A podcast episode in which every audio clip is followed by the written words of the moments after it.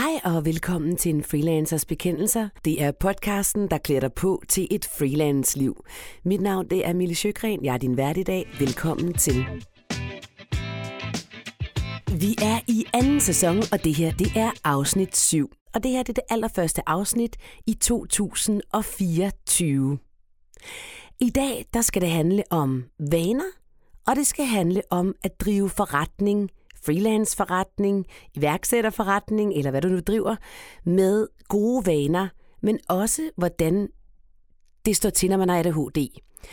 Fordi jeg har jo fået konstateret ADHD, og øh, det fortæller jeg om i dag i dagens podcast. Og hvis du har lyst til at kommentere på podcasten eller have fat i os, så må du meget gerne sende mig en mail på ms Så kan det være, at vi tager dit emne op eller dit spørgsmål op øh, her i en freelancers bekendelser. Du er også meget velkommen til lige at give den et like, øh, eller skrive øh, der, hvor du nu lytter, om du kan lide podcasten eller ej, eller dele den med dine venner, hvis du synes, det er noget for dem, så vi kan nå endnu bredere ud. Tusind tak for din hjælp, og velkommen til. Så skal vi i gang. Hola, hola, hola, og velkommen til en freelancers oh, skal lige tage lige den her op Ja. herinde. Ja, fordi den kan også godt larme lidt. Ja. Sådan der. Så kan du begynde at sige noget. Er det cool? Nå, du har simpelthen gjort sådan der. Okay. Nå, men det, der sker lige nu i studiet, det er, at øh, Christian og jeg har fået nye mikrofoner.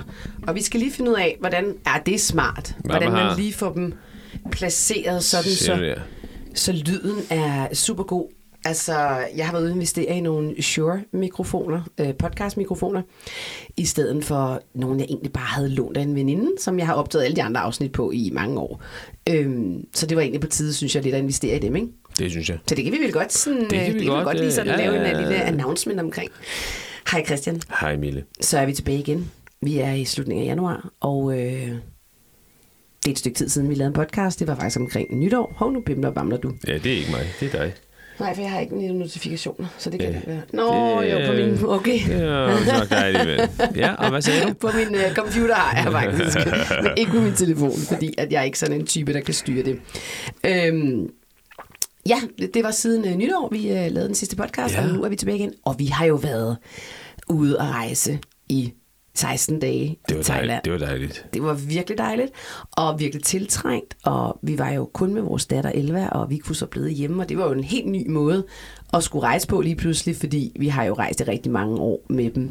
Så det var jo sådan en lidt, det var en anderledes måde at være sammen på, ikke? Ja, altså han manglede, helt klart, øh, vil jeg sige. Der var også nogle positive ting ved bare at være sammen med Elva, men øh, hold op, nyt liv, Ja, ja. sige. Sådan er. Nu er vi blevet voksne. Ja, nu, ble, nu er vi blevet rigtig voksne, det tror jeg også. Øh, men i dag, der øh, skal podcasten handle om vaner og ADHD. Og hvordan man driver forretning øh, bedst muligt med ADHD. Og hvordan man får lagt sig, lagt sig og lavet nogle gode vaner. Og det er ikke kun, hvis du er ADHD. De her vaner kan du ligesom også bare implementere øh, ja, i din forretning. Ikke? plan- det er planen. Det er planen. Men lad os lige tale lidt om, uh, how are we? Hvad sker der i vores forretning? Det plejer vi jo altid at åbne, åbne Ja. en freelancers bekendelse med, så jeg synes, du skal starte. Ej, ved du hvad? I Jeg dag, kommer, til at tale, jamen, jeg kommer til at tale så meget i dag. Gør du det? Ja. Okay, så starter jeg. Mm. Øh, jamen, øh, 2024 er startet der, hvor 2023 slap. Ja, øh, ja vi startede... sagt. Hvad siger? Jamen, det er meget filosofisk, ikke? Mm, jo, det synes jeg. Kinesisk ordsprog. Det nye år starter, hvor det gamle Ja, sluttede. fandt du det i en eller anden lille ting Ja, ja, i Thailand, hvor du ja, åbnede ja, en eller sådan anden en fortune lille... cookie. Ej, den tager jeg lige præcis. Hvad, hvad hedder det? Øhm, nej, øhm, vi har jo lige været på en lille ferie. Og øh, det gør jo, at jeg har taget 14 dage ud af, så 17 dage ud af min arbejdskalender. Det vil sige, at jeg har 14 dage, hvor jeg ligesom skal have lavet en hel måneds arbejde. Så jeg har travlt. Ja. Øh, men ellers er det bare business as usual. Det, Ej, men du er- havde jo ikke så travlt, som du havde lige inden jul. Altså, du sagde faktisk til mig, hey, jeg skal lige øh, ud og have nogle flere artikler ind på mit bord, hvor du faktisk, du lavede, som du sagde, opsøgende arbejde. Altså, når Christian laver opsøgende arbejde, så sender han en mail til hans redaktør og siger, kunne det ikke være fedt med de her fire artikler? Så siger redaktøren, jo, det kunne være mega fedt, Christian. Det er opsøgende arbejde for. Christian. Selvfølgelig. Det var opsøgende arbejde. øh, nej, men jeg, jeg, jeg pløjer bare derud af, ikke? Skriver to artikler om dagen, øh, laver to interviews, skriver to artikler om dagen. Mm. Øh, det gjorde jeg i hele 2023, og det regner egentlig også med at gøre i hele 2024. Mm. Så, øh, så ellers så sker der ikke så meget øh, på Ej, forretningssiden. Nej, okay, men Okay, men så kan du så implementere en masse vaner, men den kan vi lige tale om, Dem når vi når vi til senere. Ja.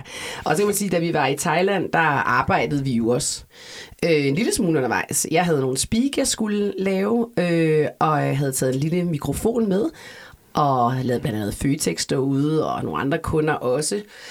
Og det gik sådan okay, men jeg kunne også godt mærke, at de kunder, som jeg arbejdede med denne her gang, var ikke på samme måde vant til at arbejde remote med mig, som jeg jo har gjort tusind gange før. Ikke? Øh, og det vanskeliggjorde det faktisk lidt, fordi at vi, ja, kommunikationen var lidt sværere i virkeligheden, ikke? Øhm, som gjorde, at det blev ikke stressende for mig, men det blev sådan, ah, så var det ikke lige det, de ville have, og så skulle jeg lave det om. Men jeg havde sådan set egentlig booket et hotelværelse til den dag, sådan så jeg vidste, lyden var i orden, og så videre, så videre. Så blev det sådan noget med, at jeg lige pludselig stod i junglen, og så skulle det laves om, ikke? Og så var det sådan, det kan jeg jo ikke. Jeg, altså, jeg kan ikke skabe god lyd her. Så, øh, så det er altid sådan lidt spændende og udfordrende. Så kan man sige, okay, men hvorfor gider du overhovedet at arbejde, mens du er på ferie, eller er jo værd, ikke? Mm. Øh, men det er jo bare sådan, når man er selvstændig, og man laver noget, hvor man godt kan tage arbejdet med, så er det da klart, at hvis jeg skal gå glip af 20.000 kroner, øh, fordi vi rejser, og det egentlig ikke er så besværligt, men det har også noget at gøre med, at man ikke vil sige nej til sine kunder, ikke? Man vil jo gerne være til Jo, rådighed. og så er det jo også det faktum, som øh, mange, mange, mange mennesker glemmer, det er, at øh, når vi tager på 14 dages øh, ferie, øh, så øh, koster det, øh, hvad det nu engang koster at tage på sådan en rejse. Øh, og så koster det så også lige to gange 14 dages indtægter, Ja. hvis vi ikke arbejder Ja. noget som helst. Og det er jo det, som øh, hvis man bare har en ganske almindelig øh, arbejdstager-arbejdsgiverforhold, så får man jo løn under ferie, og så har du fem uger ferie om året, seks uger, eller hvad man har. Mm. Øh, og så er det jo ikke sådan, at når man så kommer til den 1. Øh, august, efter man har været på sommerferie, at der så står 0 kroner på kontoen. Nej. Det gør der altså, hvis man er selvstændig. Mm. Øh, på den måde, vi er selvstændige, øh, så, så bliver der, kommer der altså ikke nogen penge ind på kontoen, hvis man ikke tjener nogen, og så kan en ferie pludselig godt blive dobbelt så dyr. Ja, og derfor er det jo blandt andet derfor, vi gør det. Og hvis du spørger mig sådan, vil du hellere lade være med at arbejde, når du rejser? Altså, når det er denne her måde, vi rejser på, så ja. Øh, men når vi rejser i mange måneder, så har jeg ikke noget issue med det. Altså, så er det bare inkorporeret i den måde, vi rejser på. Ikke? Ja, ja. Men når det er så kort her, så vil, jeg helst, så vil jeg da helst lade være. Ja, ja, så, men det er da når- ikke det store på, problem. I de korte, på de korte rejser, der kan man jo skal man sige, arbejde op til. Ikke? Så kan man jo lave en masse arbejde op til, Ja. og så kan man holde lidt fri og måske lave en enkelt eller to øh, arbejdsopgaver, og Mm. så kan man så have et, en, øh, et bagkatalog, der ligesom et backlog, der ligesom venter, når man kommer hjem. Ikke? Mm. Ja. Det var også det, som jeg tror faktisk, vi snakkede om det i podcasten, inden vi tog afsted, Ja. men det der med at sørge for, at når man lander igen efter sin ferie, så er det ikke der, man begynder at række ud til kunder, mm. og når hvad skal jeg lave, og sidder og trommer i bordet, og Ja. bruger lidt tid på Facebook og sådan nogle ting. Jeg siger. Der skal gerne fra morgenstunden klokken 9 eller 8 helst mm. øh, ligge arbejdsopgaver, så man bare kaster over, så over dem med det samme. Ikke? Altså mine, mine kunder er jo sådan, det er jo sådan en branche, jeg er i, ikke? og det er jo sådan noget med, det er meget svært at planlægge. Altså mine faste kunder, måske sådan som Føtex, de kan godt planlægge det, og de kan godt sige, okay, så skyder vi lige, så gør vi sådan her, fordi de alligevel trods alt er nogle uger fremme. Men andre, altså det er virkelig sådan, okay, det skal være der, altså på onsdag, det kan være om to dage, okay, så det, det vi kan ikke lave det inden, eller lave, altså det kan det bare ikke.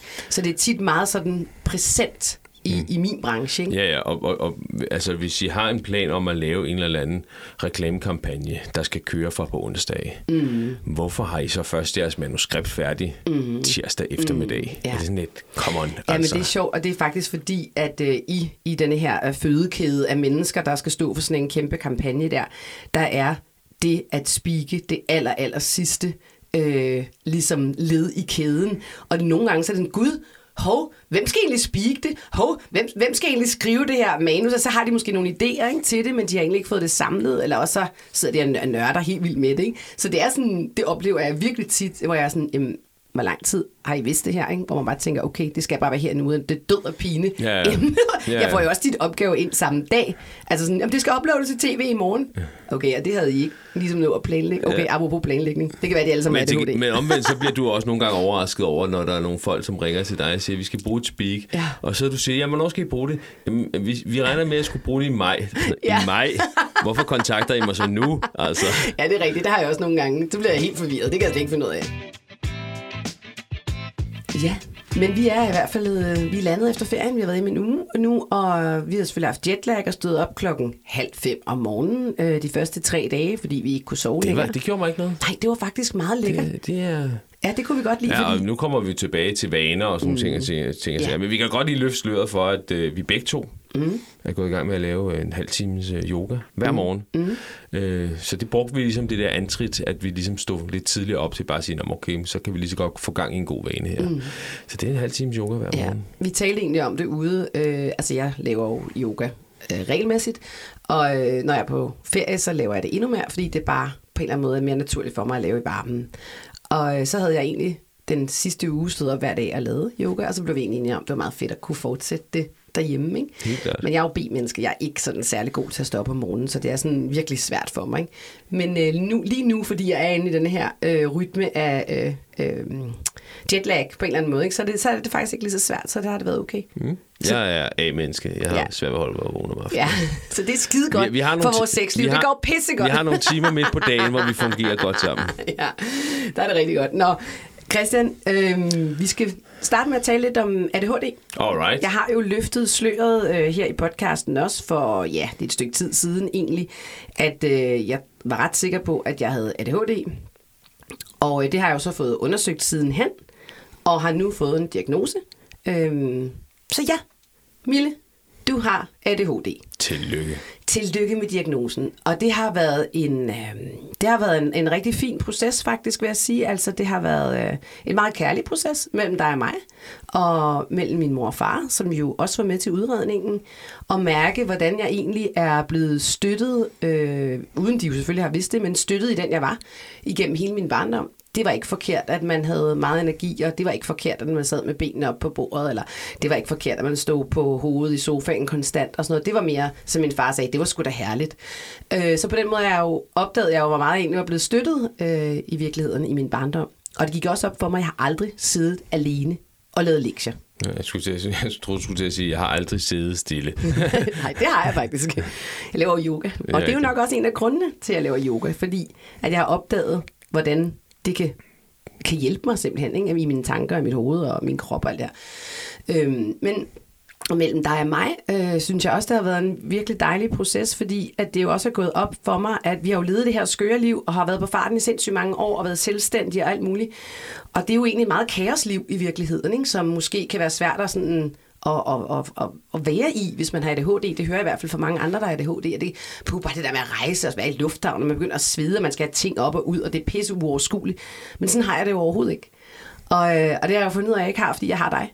Øhm, jeg har dig til at være total struktur og støtte, og du har altid styr på alt det der. Du ved, hvor vi skal hen. Det er ikke tit, jeg aner det. Men jeg følger bare med. Du ved, så på den måde har det jo også været sådan meget øh, sådan kærligt at få øje på, at gud, hvor vi komplementerer hinanden godt i, i de ting, vi nu begge to engang har selvfølgelig. Ikke? Øhm, jeg har ikke noget. Nej, du har ingenting overhovedet, skal Så nej, det, så for mig har det været virkelig en eye-opener, og så har det også været en eye-opener for at se, hvilken kæmpe styrke, der ligger i at have ADHD øh, med sådan et hyper, øh, kan man sige, aktivt øh, gen, som jeg også har. Ikke? Altså, hvordan jeg, hvordan jeg egentlig har brugt det ret fedt, altså, og hvordan jeg egentlig også har været rigtig god til at mærke efter, intuitivt, hvad jeg har brug for, så jeg derfor, det er jo derfor, jeg ikke har passet ind i alle mulige kasser, og 9-17, og, og så videre, så videre. Ikke? Altså, jeg har jo kun arbejdet på steder, hvor der var skørt. Jeg har jo aldrig haft et normalt job. Øhm, så, det, så hele den proces har været enormt kærlig og dejlig. Og så har der selvfølgelig også været noget sorg i, okay, hvordan havde det været, hvis jeg havde fundet ud af det noget før, ikke? Men i virkeligheden er det jo først blevet et problem for mig her i det her seneste år. Og, øh, og jeg tror jo, det er fordi, at øh, jeg er gået ind i overgangsalderen, øh, sådan så småt, altså menopause, som man kalder det. Og det er sådan, at hvis du er ubehandlet, øh, eller du har en ubehandlet ADHD-diagnose, øh, så, øh, og du går ind i overgangsalderen, så kan alle de her symptomer faktisk forværres, og det er helt klart det, jeg har oplevet. Altså virkelig en forværing af, at jeg overhovedet ikke kunne finde ud af en skid, at jeg har ikke havde styr på noget, ikke nogen aftaler. I øvrigt, i, bare i dag, eller i går skulle jeg have været til en reception, som jeg mhm. troede var i dag. Altså sådan noget med, der bare det hele sejler, og, og det her med, at at min hjerne bare var sådan en klump af, af ting, sådan som... Jeg, kunne, jeg havde ikke styr på en skid, basically. Og jeg kunne ikke kende mig selv. Det var virkelig ubehageligt.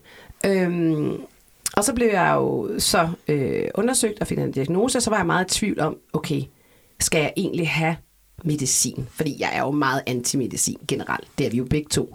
Sjov nok, du arbejder for medicinalindustrien, men der er jo ikke nogen af os, der tager piller for noget overhovedet. Nej, nej, nej. Udover det, som er virkelig sundt, ikke? Altså jern og D-vitamin og sådan noget, ikke? Øhm, Og så havde vi to en snak om det der medicin, kan jeg huske. Hvor du sagde, jamen altså, du kan også bare prøve det, og så kan du se, fordi det er jo ligesom, det er, ind, det er i kroppen, og så er det ude igen. Øhm, kan du ikke lige prøve at forklare hurtigt, hvordan det fungerer? Bare fordi det ved du bedre. Hvordan det fungerer? Ja, bare det der med, det, det er jo ikke ligesom antidepressiv nej, nej, medicin nej, altså og sådan det, noget. det gode ved, ved at tage medicin mod ADHD er jo, at det er jo, øh, det er jo sådan en amfetaminlignende stof, som går ind og påvirker hjernen hurtigt. Mm. Det vil sige, at du får effekten med det samme, mm. øh, ligesom hvis du tager et narkotikum, ikke? så får du effekten med det samme, og så er det der i nogle timer, og så fætter det langsomt ud. Jeg tror, altså sådan, du kan vel have en mærken en effekt en 7 timer eller sådan et eller andet.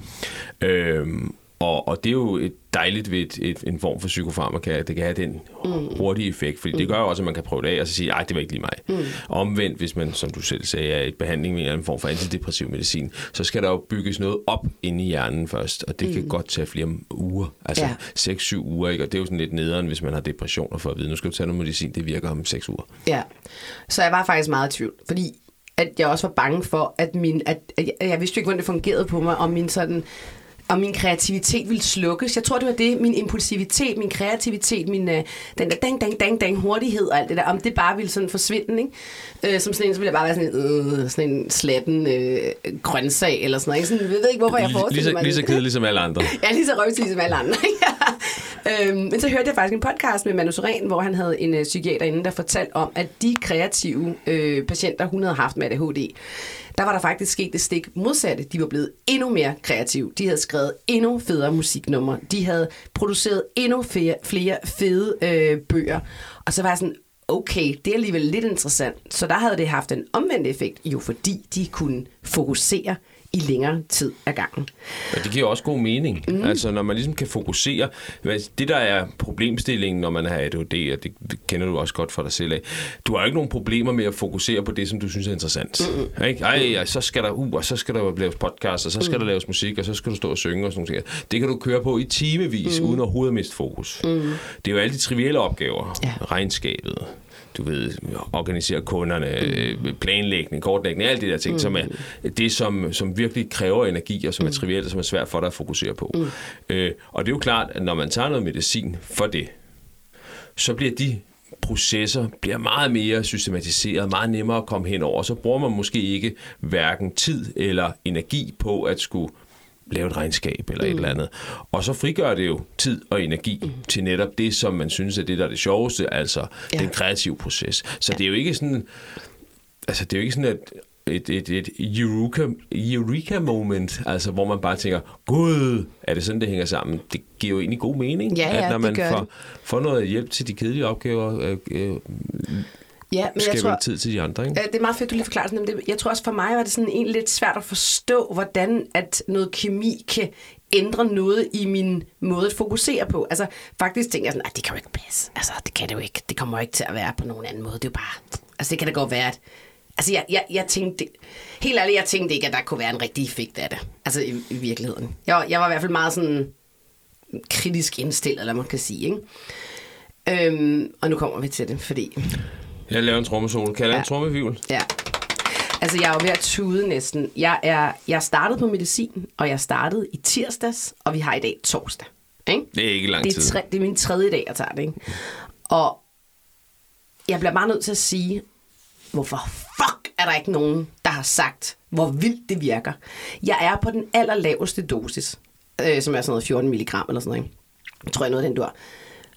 Og de sidste par dage, altså det er lidt som om, at jeg har fået et nyt liv. Og jeg ved godt, det lyder måske lidt overdrevet, og jeg skal prøve at forklare, hvad der er, der sker, men jeg, for det første er jeg lettere i mit humør. Øh, jeg, jeg står op om morgenen, så tager den der pille, så går der cirka tre kvarter, så virker den. Jeg kan ikke mærke lige med det samme, den virker. Det er ikke sådan, nu virker den.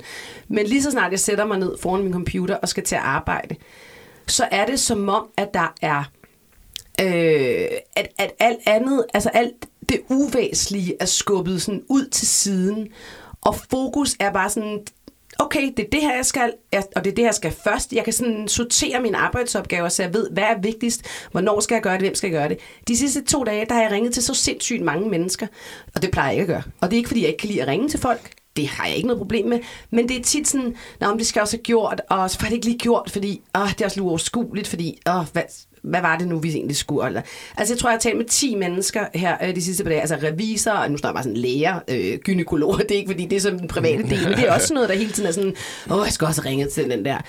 Det skete bare. Jeg sætter mig ned, jeg kan fuldstændig strukturere min, min dag, øh, og jeg opdager det først sådan lidt op ad dagen, sådan, okay, okay, wow, hvad fanden sker der lige her? Og du kommer også ned til mig øh, i køkkenet flere gange, og jeg registrerer dig ikke Og engang. du lægger ikke engang mærke til Nej, mig. hvor jeg jo normalt forstyrrer mig selv pisse meget, og du forstyrrer mig ikke så meget, men bare det, at nogen kommer ind i et lokale, vil jo forstyrre mig. Ikke? Og, og den sådan fokus, jeg kunne have, jeg skulle, et eksempel, jeg skulle lave en, øhm, en ansøgning til øh, SMV, som er øh, øh, hvad hedder de der digitaliseringspuljer, de har i erhvervshusene. Og seriøst, Silla og jeg har prøvet at gøre det her i fire år, ikke? altså med free living. Øhm, vi har talt om det mange gange, så har det ikke lige passet ind, men faktisk kan jeg heller ikke sætte mig ind i det. Jeg har kigget på det, jeg har prøvet at læse om det, og så går jeg bare helt død i det. En fucking lang proces, og at gud for... Jamen bare, der er så mange krav, og alt muligt pis og lort og lavkage, man skal forholde sig til. Ikke? Og så tænker jeg, okay, nu prøver jeg lige at sætte mig ned og skrive den ansøgning. Og der er ret mange ting, man skal skrive om sin virksomhed. Det tog mig to timer. Og så havde jeg samtidig også ringet ind til erhvervshusene og lige hørt, om de ville læse min ansøgning igennem. Fordi at det havde jeg hørt, at man godt kunne få. Ikke? To timer. Altså skal det have taget mig fire år fucking at sætte mig ind i. Altså det er jo vildt nok. Altså, selvfølgelig har det jo ikke været en åbenbart nok prioritet, fordi så havde vi jo nok gjort det. Men det er bare for at sige, at det, det var en vild oplevelse for mig. Altså jeg bare, det kunne jeg bare. Jeg kunne simpelthen sætte mig ned. Jeg kunne læse fra start til slut. Det gør jeg jo heller ikke. Det ved jeg ikke, Nej, om, det, det ved jeg ikke, om man, man ved, hvis man ikke selv er ADHD, men jeg læser jo ikke tingene fra start til slut. Jeg går ind, og så, så skimmer jeg lidt, og så begynder jeg at læse ned i midten, og så tænker jeg, det skulle noget mærkeligt noget om. Det er jo selvfølgelig, fordi jeg ikke har læst det første. Eller også er jeg sådan, ah, det står der ikke noget om. Altså, så føler jeg, at jeg har læst det, men det har jeg jo ikke.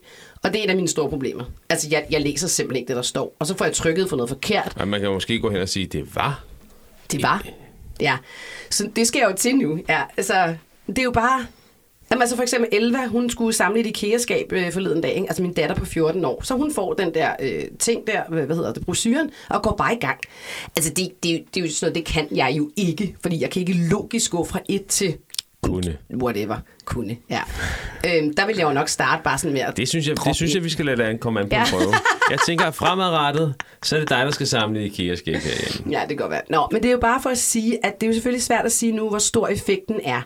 Men min umiddelbare reaktion er, at jeg føler, at jeg får et helt nyt liv. Og jeg, altså, jeg har jo også jeg har jo gået småtydet lidt det her dag. Ikke? Altså, Det må man sådan- sige.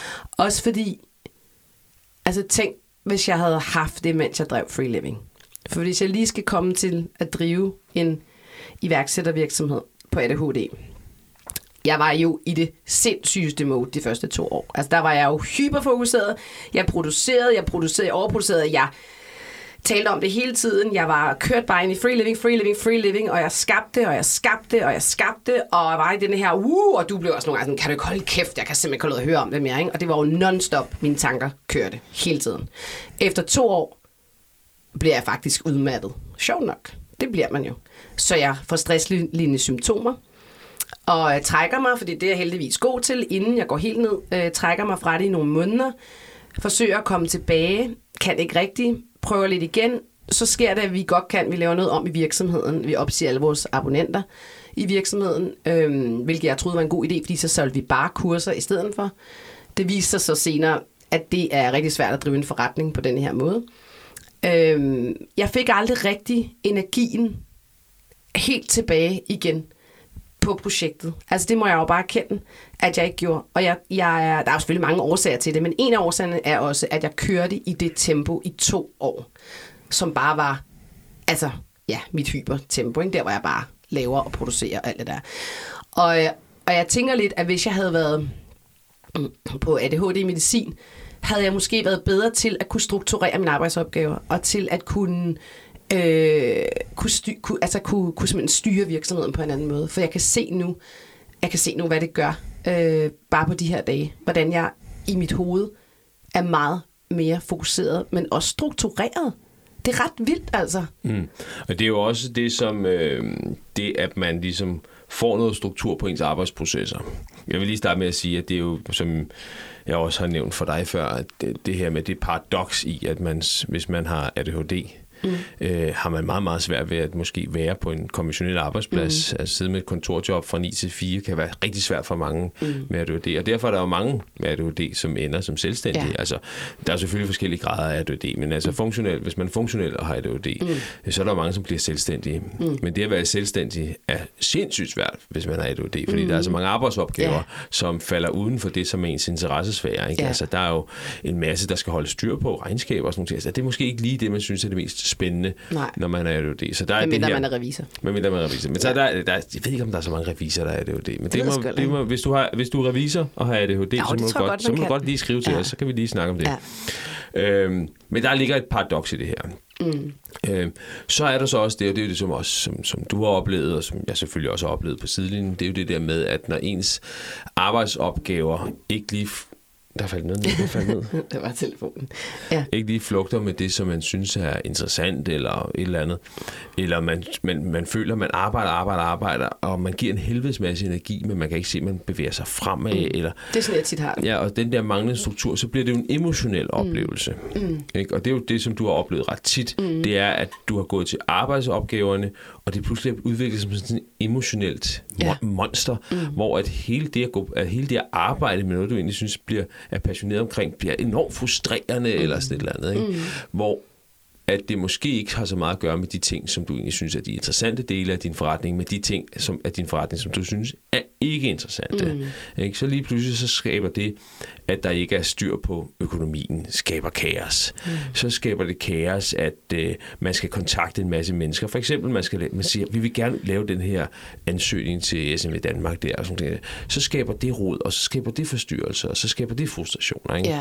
Så det kan blive meget emotionelt. Ja, det er rigtigt. Og hvis jeg lige, skal give bare, hvis jeg lige må hurtigt give et billede det på det, du. fordi at, jeg ved ikke, om man kan forestille sig, men inde i min hjerne, der er det sådan, at der er måske, øh, lad os bare sige, der er 100 ting, jeg måske skal øh, forholde mig til på en dag ikke? I, i, i virksomheden. Alle de her ting, jeg skal. Øh, og det er som om, at det, for andre tænker jeg, at det er sådan, jamen, så skal jeg det, og så skal jeg det, og så skal jeg det. Men for mig er det sådan, de, de går ind over hinanden. Altså, de er sådan, øh, øh, det er som om, at, øh, hvad fanden skal jeg bedst forklare det, men det er som om, at jeg ved godt, at jeg skal alt det her, men jeg kan slet ikke finde rundt i, hvordan jeg ligesom strukturere det, så det bliver uoverskueligt stort. Så det bliver sådan en masse af ting, jeg skal, som bare øh, fiser ind ud af hinanden, men jeg kan ikke strukturere det. Og det, der også er klassisk, det er, at man får ikke afsluttet ting. Ja, det er altså, heldigvis ikke så dårligt til. Nej, men, nå, men ikke så... Ikke men det er så alligevel, for, ja, det er på nogle ting. ikke, ikke for afsluttet, måske ikke så meget afsluttet arbejdsopgaverne, men det kan øh, eksempel være netop, du ved, jamen, så går man i gang med at skrive den der ansøgning til, mm. til SMV Danmark, eller mm. man går i gang med at sige, okay, vi skal lave en ny kampagne for et eller andet, og så får man gå i gang med det halvdelen, og så, bliver, så steder man, ej, nu bliver det lidt kedeligt. Ja. Og så går man i gang med noget andet, der er mere ja, interessant. Ja, ja. Og så lige pludselig, så har man, at det kan så høre også være nogle udfordringer med ens mm. lydudstyr, eller ens mail, der ikke fungerer, som den skal, eller sådan nogle ting. Så jeg, jeg synes jeg, du kommer nogle virkelig dårlige jeg nævner i flæng nogle ting, som man godt kunne blive lidt frustreret over i sit, ja, sit arbejde. Og så får man ikke og så giver jeg også op. Så giver du op. Ja. Så får man ikke taget sig færdiggjort opgaven, og det vil sige, at der kommer sådan en masse klotter, mm. som bare bliver ufærdige opgaver, mm. man egentlig gerne vil komme af med, og man har dem liggende i baghovedet, men hver gang man tager dem frem, så bliver de uoverskuelige, mm. fordi man er på noget, hvor man tænker, det, jeg kan ikke forstå det her, jeg mm. kan ikke det her. Og så lige pludselig, ud over ens almindelige arbejdsopgaver, så er der bare en helvedes masse rod i hjernen. Ikke? Mm. Hvor at, at hvis, jeg, jeg er jo så det stik modsat af dig, jeg er jo hyperfokuseret. Mm. Der er jo du er faktisk Ritalin. Jeg, jeg, jeg er den høje, I en menneskelig udgave. Jeg er den høje dosis Ritalin, har jeg naturligt i blodet, tror jeg. Mm. Øh, jeg har jo en, en, en, en usædvanlig evne til at være hyperfokuseret. Mm. Der er ikke nogen uafsluttede opgaver på mit bord. Nej. Overhovedet. Øh, og det vil sige, at der er heller ikke nogen ting, der fylder op. Og det gør også, at når jeg rejser fra min kontorstol, øh, om eftermiddagen, og jeg siger, nu gider jeg ikke arbejde mere, så ligger der ikke en masse at rode rundt i hovedet. Jeg skal ikke koncentrere mig om, hvad jeg skal lave i morgen. Det hele det er systematiseret, mm. det er planlagt, det er kortlagt. Øh, så jeg skal ikke koncentrere mig om arbejde, før jeg sætter mig ned på min kontorstol igen dagen mm. efter. På trods af, at jeg er selvstændig, på trods af, at jeg laver regnskab, på mm. trods af, at jeg skal have kundekontakt, på trods af, at jeg skal lave arbejdsopgaver, og alle de andre ting. Ikke? Mm. Øh, men det fylder ikke op som rod, fordi det alt sammen bliver afsluttet og er organiseret. Mm. Ikke? Ja, og så når du ligesom er færdig med arbejde, så er du ligesom færdig med arbejde. Når jeg er færdig med arbejde, altså uden medicinen, og jeg sidder foran computeren, så er jeg så smadret. Altså, I kan slet ikke forstå, hvor smadret jeg er. Og det, det har jeg også altid sagt til dig, jeg skal ikke have et job, hvor jeg sidder foran en computer, fordi altså, alt i mig er bare sådan, øh, fuldstændig træt, jeg har ondt i hovedet, og det er sådan, det er bare virkelig hårdt for mig, ikke? Hmm. De her, sådan, nu er det kun to dage, jeg ved godt, det er meget lille. Jo, jo, men altså. Men, men de her to dage har jeg seriøst siddet. Den ene dag med Sille, hvor vi har siddet og kun skulle lave lorteopgaver, ikke? Alt muligt lort. Øh, revisor, regnskab, øh. Jeg sad i fem timer. Vi rejste os ikke engang op og gik en tur, hvilket vi egentlig plejer at gøre. Ikke? Jeg kunne bare blive ved med at sidde og fokusere, fokusere, fokusere. Da jeg rejser mig op øh, klokken halv tre, eller hvad, hvad klokken var blevet, og går en tur med dig, mm. der er jeg overhovedet ikke træt. Nej, nej. På ingen måde træt. Altså, jeg er nærmest sådan, jeg er nærmest sådan helt klar i hovedet. Og vi går og har nogle pissefede samtaler. Hvad sagde du jo der? Der sagde jeg også, at du virkede mere skarp mm. i samtalen. Mm. Og det var det, det, det er en, en fornemmelse af, at der var ikke nogen grund til at komme tilbage til pointerne igen og igen. Når du ligesom havde leveret en pointe, så var den leveret. Så var der ikke nogen grund til at gentage dig selv. Men mange gange, så hvis man har ADHD, er min fornemmelse, nu har jeg det ikke selv, at man gentager sig selv ikke så meget for, at ham eller hende, der dytter til en, skal have det gentaget, men mere for ligesom at gentage det for en selv. Ikke? Mm. Ja, ja, så man forstår, ja, forstår ja, ja, det selv. Ligesom. Så nu siger jeg lige en gang til, fordi så er jeg sikker på, at jeg selv forstår ja, det. Ikke? Det er ligesom når jeg læser, så læser jeg jo også tit siderne to eller tre gange, fordi ellers så er jeg ikke helt sikker på, at jeg har forstået ja, det. det er også noget rod, ikke? Jo, jo, det kan være en meget lang bog nogle gange. Eller også springer jeg bare lidt over. Du ved. Nå, men, øh, men det, er bare, det, er, det er jo sådan, wow. Øh, og jeg jo deler det jo med på et meget tidligt tidspunkt, men jeg glæder mig da egentlig også til at dele det videre omkring. Det, fordi... det næste afsnit, hvor vi ligesom har, har set, hvad kan det gøre på på, på længere på sigt, længere sigt ja. bliver spændende. Ikke? Ja. Og så er der det her med at, at, at jo øh, drive en forretning, øh, både en iværksætterforretning og en freelance-forretning, som jeg gør. Du driver en freelance-forretning. Og, øh, og jeg kan godt egentlig afsløre her nu i podcasten, fordi den kommer ikke ud, før vi har meldt det ud anyway. Men øh, vi lukker Free Living nu. Øh, Free Living har kørt i fire år, og Silla og jeg har besluttet, at vi hver især skal videre nu og prøve noget andet. Og, øh, og jeg tror, at det har været helt fantastisk. Altså, jeg har jeg, jeg er stolt, jeg er glad. Jeg har aldrig lært så meget i hele mit liv, rent øh, arbejdsmæssigt, kan man sige. Øh, om KPI'er og ROI og hvad fanden ved jeg, mand, og om øh, automatiseringer og MailChimp og alt det her, ikke? Øhm, lead-annoncer og you, you name it. Øhm, men, det, men, men det er ikke, altså energien fra os er der ikke længere, og øh, man kan sige, omsætningen står ikke mål med de ambitioner, vi havde for virksomheden længere. Og det er der masser af årsager til. Øh, der er både noget inde i os selvfølgelig, øh, vi kunne have gjort på en anden måde, men der er også nogle udefrakommende ting, der har gjort, at det ikke har lykkedes øh, at gøre det til en rentabel forretning. Til gengæld, det jeg er bare stolt af, det er, hvis man prøver at kigge på, du ved, succes ud fra et økonomisk øh, succeskriterie, så har vi hjulpet sindssygt mange mennesker med at tænke om deres arbejdsliv øh, på en anden måde. Altså vi er simpelthen, jeg synes, jeg har givet flere mennesker frihed. Og det æder mig med fedt. Det var, vel også, det var vel også det, der var målet. Ikke? Og det var jo det, der var målet, ja. Øh, det havde så også været rigtig fedt, hvis det havde været en ja, ja. forretning. Ja, ja. Men altså, ja, ja. Men, men, øh, men vi lukker ned nu, og, øh, og man kan sige, nogle af de aktiviteter, vi havde i Free Living, dem fortsætter jeg jo med at have øh, hos mig selv. Altså coaching selvfølgelig, og øh, foredrag og så videre. Så i virkeligheden er det jo bare rammerne, der lukker ned. Men det er jo, men det er jo men det er alligevel trist, og det har været en rigtig, rigtig hård uge. Og Silla, jeg har grædt, og du ved, fordi det er bare hårdt at sige farvel til noget, vi har brugt så meget energi på. Altså, men, men jeg mærker meget stærkt ind i min intuition, og det gjorde jeg jo faktisk, mens vi var i Thailand, at nu er det færdigt. Nu er det bare færdigt, og der er ikke mere. Så det er sådan en lidt, øh, ja, en lidt ny og vild ting, som, øh, som ja, sker. Men på den anden men, side... Men jeg tror også, at i det øjeblik, altså det er lukket ned, så vil I også begge to mærke, at det er kun rammerne.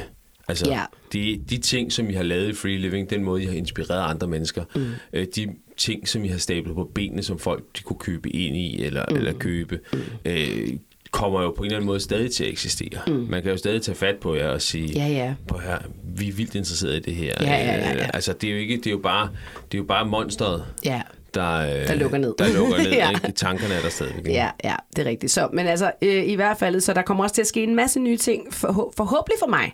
Men du har jo nedlagt veto mod, at jeg ikke må starte noget nyt før om et halvt år. Ja. men lige bortset fra, at vi to jo starter en ny podcast om at rejse. Det gør vi. Ja, men det kan vi fortælle det er jo, senere. det er jo så, men der bliver ikke så meget senere. Vi bliver ved med at sidde og snakke her. Hvad hedder det? Men, øhm, men det må du gerne. Ja, men jeg tror også, det er vigtigt. Men altså, øh, nu er omstændigheden ændret sig lidt. Men i hvert fald, man lige finder ud af, okay, det trækker vejret dybt. Lige s- kommer ned for alt det gamle ud af systemet, mm. Og så kigger fremad på, med nogle friske øjne. Ikke? Ja. Altså, øh, og det er jo, øh, og så er vi selvfølgelig tilbage til ADHD'en der, ikke? Altså, det er jo det der med, at du ved, øh, hvis man har ADHD, og man siger, nu lukker min virksomhed ned, inden man er færdigudsluttet med den virksomhed, så er man allerede begyndt at tænke på, Ja. hvad skal jeg så lave? Ja, det gør jeg jo også. Ja, ja, det gør du også, og det skal Ja. du lade være med. ja det siger du jo. Ja, du skal til at starte med, skal du bare lige, du ved, synke, ikke? Ja, det skal jeg nok. Det gør jeg. Sådan. Jeg Det prøver. godt. Nu Yes. synes jeg, at øh, nu synes jeg, vi er kommet meget godt rundt om, hvordan det har været lidt en udfordring for mig i free living egentlig at have det hurtigt også, men også øh, bare generelt, ikke? Øh, men også hvordan øh, det her begynder at virke, og hvad der kan ske i fremtiden. Men vi skal lige prøve at tale lidt om det her med vaner Ja. og drive forretning, fordi at når du har ADHD, tænker jeg, at det er endnu vigtigere, at du har nogle gode vaner og rutiner, end du ved. Men alligevel tænker jeg egentlig, det er godt for alle. Ikke? Altså det kan være godt for os alle sammen, når vi driver forretning. Fordi på en eller anden måde, så er der noget, at sådan som jeg ser det, så er der noget, der er fast. Der er noget, mm. man kan holde fast i. Ja. Hvor at, når du driver forretning, uh, freelance forretning, eller hvad du driver, så er der sgu aldrig noget, der er fast. Altså du ved ikke, du ved sjældent, hvad fanden skal der ske nu, eller skal jeg have en ny kunde, eller der er bare mange ting, der kan komme ind og for, forstyrre, eller, mm. eller gøre det sådan Ja. anderledes, ikke? Men- øhm, ja. Øh, Altså, øh, lad os starte med lige at slå fast, hvad en vane er. Mm. En vane, det er en automatiseret proces. Det er en proces, hvor i din hjerne ligesom ikke skal tænke over, hvad det er, jeg skal gøre. Det sker bare. Alright? Og jo flere af ens arbejdsprocesser, man kan gjort, få gjort til vaneprocesser, jo mere tid overskud har man til alt muligt andet i sin virksomhed. Mm. Øh, lad mig komme med nogle eksempler. Må jeg lige spørge om noget Det her? må du i hvert At fald. når du siger vaner, altså er det så øh, kun vaner i sådan altså arbejdsmæssig øh, regi, eller kan man også tale om alle de vaner, der, der gør, at man ligesom har det godt, ligesom vel, som Nå, lige står op klokken halv ja, ja, altså, laver yoga? En vane kan også være, at man går i seng klokken 10 for at være frisk næste Ja, morgen. det er også det en synes vane, jeg også er ikke? Eller man op om morgenen og dyrker yoga, for ellers Ja. ens krop redbrækket Ja. foran computeren, når man sætter sig ned for den. Eller man drikker en kop kaffe om morgenen, eller man spiser noget god morgenmad. Eller, det er vaner, ikke? Ja. Øh, men, men, og så er det selvfølgelig... Men vigtige vaner, når man har et job, hvor man er freelancer, Helt fordi klart, man skal helt klart. fandme bruge meget energi, ikke? Helt klart. Altså, man skal ikke... At der er selvfølgelig nogen, som bare du ved, går i seng klokken 1 om natten, øh, og så står op klokken 5, og så prøver at køre igennem på fire timers øh, søvn. Det kan man Øh, måske, hvis man er 20. Det kan man altså ikke, hvis man er Jo 48. men, jo, men det kan man sikkert også godt, hvis man er 45. Øh, men øh, jeg er ikke sikker på, ens øh, output kommer til at være lige så godt, som mm. hvis man nu fik øh, ordentlig søvn. Og det mm. samme med, med selvfølgelig sund kost og motion og alt det andet. Mm. Ikke? Altså, så der er nogle vaner i det. Men der er selvfølgelig også nogle, nogle arbejdsmæssige vaner, som måske er lidt mere interessant at tale om i den her podcast. Mm. Altså hvordan man måske kan få nogle gode vaner ind i sin, sin arbejdsdag, som gør, at øh, nogle ting bliver lettere. Mm. Øhm, og, og som sagt, øh, vaner, det er automatiserede processer. Det er ting, som sker helt automatisk, uden man behøver at bruge energi på dem. Øh, for mig, nu kommer jeg med nogle eksempler fra mm. min egen hverdag. Øh, for mig er det en klar vane, at jeg laver mine interviews tidligere om morgenen. Okay. Det vil sige, det er helt standard for mig, at jeg lægger mit første interview kl. 8 eller kl. 9 om morgenen. Mm. Og hvorfor det? Jamen, det gør jeg, fordi at så kan jeg kaste mig over det lige bagefter, begynde at skrive på det, uden at jeg er træt. Ja. Så det vil sige, at hvis jeg laver et interview kl. 2 om eftermiddagen, så er jeg færdig kl. halv tre, og så hvis jeg begynder at skrive der, så er jeg måske ikke på det tidspunkt i døgnet, hvor at jeg arbejder allerbedst i forhold til min skriveproces. Mm, okay. Derfor lægger jeg altid min interview kl. tidligere om morgenen. Det er en vane. Det sker helt automatisk, når jeg skriver mm. til mine kunder, øh, eller til, til dem, jeg skal interviewe, siger, har du tid til at snakke? Ja, hvad med i morgen tidlig kl. 8 mm. eller 9? Mm. Og så svarer folk tilbage på det. Så det er en vane for mig. Ja. Øh, en vane øh, kan også være, at jeg hver måned, der laver jeg regnskab. Mm. Øh, det, har jeg, det sådan, gør jeg i forbindelse med, at jeg laver vores lønudskrivning. Så gør jeg de to ting samtidig, så laver jeg regnskabet, så laver jeg lønudskrivningen. Det er en vane, og det gør, at der ikke bliver opbygget en masse, øh, hvad skal man sige, øh, ting, sager i, i, i for eksempel regnskabet, mm. hvor at jeg lige pludselig skal holde styr på, hvad der er sket det sidste halve det år. takker ikke? jeg dig for. Tak. Det var så lidt. Det var så lidt. Og anerkender. Ja. det også. øhm, men en vane kan også være, at man hver fredag skriver til potentielle nye kunder. Mm. Mm. Og så kan man sige, en vane skal jo være en automatiseret proces, og det er jo det, Ja. som jeg siger til. Det nytter ikke noget, at man sådan skal vride nakken om på sig selv for at gøre det hver fredag. Mm. Det skal ligesom bare ske automatisk. Mm, hvordan gør man det? Ja, det er det. Hvordan, hvordan kan man få ting til at ske automatisk? Øh, der er forskellige metoder at gå til det. En metode, som jeg godt kan lide at bruge, øh, det er, at man associerer det, man skal med noget positivt. Ja. Fordi hvis du virkelig hader at ringe til kunder, mm. til nye kunder, og få afslag, nu tager vi det som eksempel, at du virkelig hader at sende de der 20 mails ud, som du får afslået på næsten alle sammen, mm. øh, så, er det ikke, så kommer du til at udskyde det. Du kommer til at sige, jeg gider ikke. Altså, mm. Så medmindre det bliver en vane, altså en automatiseret proces, mm. så kommer det ikke til at ske, eller også så kan du tvinge dig selv til at gøre det i to uger, tre uger, men så falder det fra hinanden igen. Det kommer ikke til at blive en implementeret del af din arbejdsproces. Mm. Øh, Jo, oh, min kone, hun gør lige noget. Hun tager... Jeg skal bare lige, er det fordi, den, den popper lidt? Den popper lidt. Øh, så det man for eksempel kan gøre, lad os nu tage eksemplet med at sige, okay, jeg skal skrive mails til potentielle nye kunder. Mm. Det vil sige, det, jeg skal skrive 10 mails. Mm. Øh, det vil jeg gerne have gjort til en automatiseret proces, jeg vil gerne have gjort til en vane. Så jeg kobler det op på noget positivt. Lad mig komme med et eksempel. Sige, okay, det gør jeg hver fredag eftermiddag. Det gør jeg fra klokken 3 til klokken 5. Der sender jeg en ny mail ud. Jeg ved ikke, om det er opportunt i forhold til, om det giver mening at sende det på det tidspunkt. Nu Nej, kommer det, det, som, det, nok ikke, det nu kommer det som eksempel. Det gør jeg mellem klokken 3 og klokken 5. Og der skænker jeg mig et stort, tungt glas rødvin. Kan du mærke det? Så skal det i hvert fald ikke være mandag formiddag kl. Nej, nej, nej, det, det, det, det, det, det, jeg sagde fredag eftermiddag. Så fredag eftermiddag, der tager man, og så siger den lige, så åbner Ja. man lige rødvin. Ej, det er en god og den idé. siger gluk, gluk, gluk, Ja. gluk, gluk, gluk. Og får de gluk, gluk, mere, så lige bliver det store, Ja, tunge. Du ja. ved, at du kan se gardinerne på rødvinen, den hænger det er der der, hyggeligt. ikke? Det kan jeg godt Og forholde mig til. Du kan dufte den. Nej, du kan dufte den der, ikke? Og så ser du den, oh, så tager du lige en lille tår. Mm, nej. Og så sidder du og skriver. Mm. Og så sidder du og skriver mails til kunder, ikke? Du får Mm. den der, tager du en tår mere, ikke? Det gør, at man siger, okay, så bliver det bare så meget nemmere at få lavet en vane ud af det her, fordi du ser frem til det positive. Mm. Du glæder dig til det der, ej, det der fyraftens glas rødvin, der bare mm. smager så fucking godt. Mm. Det glæder du dig til, og så sidder du og skriver samtidig. Ikke? Ja. Det er en god idé. Det er en måde at få implementeret en vane på. Ikke? Ja. Det kan man så gøre på ugebasis, på dagbasis, et eller andet. Ja. Ikke? Jeg har jo det på dagsbasis. Jeg vil jo gerne skrive på min bog. Mm.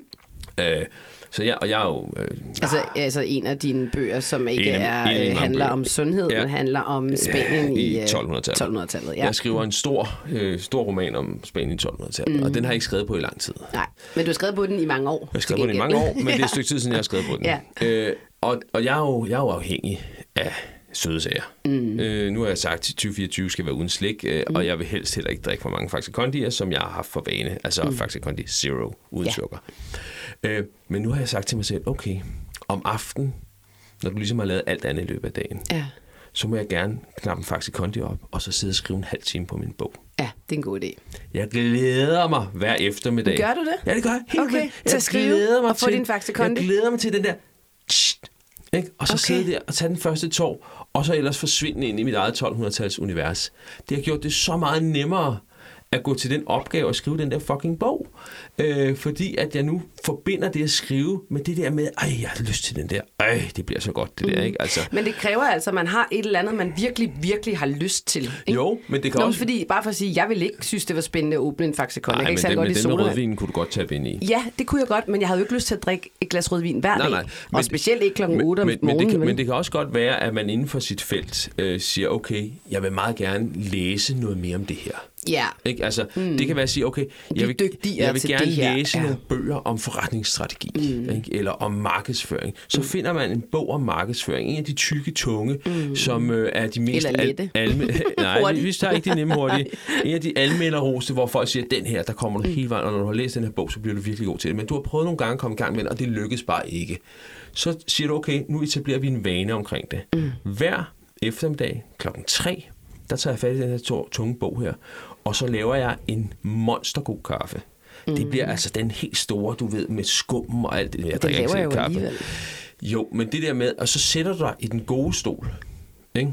Den gode stol, hvor du rigtig sidder godt. Altså, hvad er det for en? det er undskyld, jeg ødelægger Ja, det. men du er i gang med fuldkommen. Du har også for vane at ødelægge min, min, min snak her.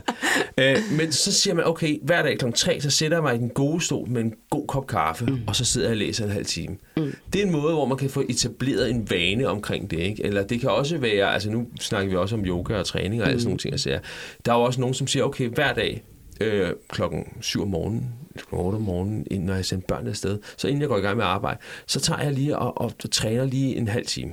Mm. Det gør jeg samtidig med, at jeg lytter til mine favoritpodcasts. Ja. Ikke? Så glæder er man sig til at høre sin favoritpodcast, Ja. sætte den i ørerne og træne. Ja. Du får automatiseret processen omkring øh, øh, det, som du gør. Det bliver en vane. Mm.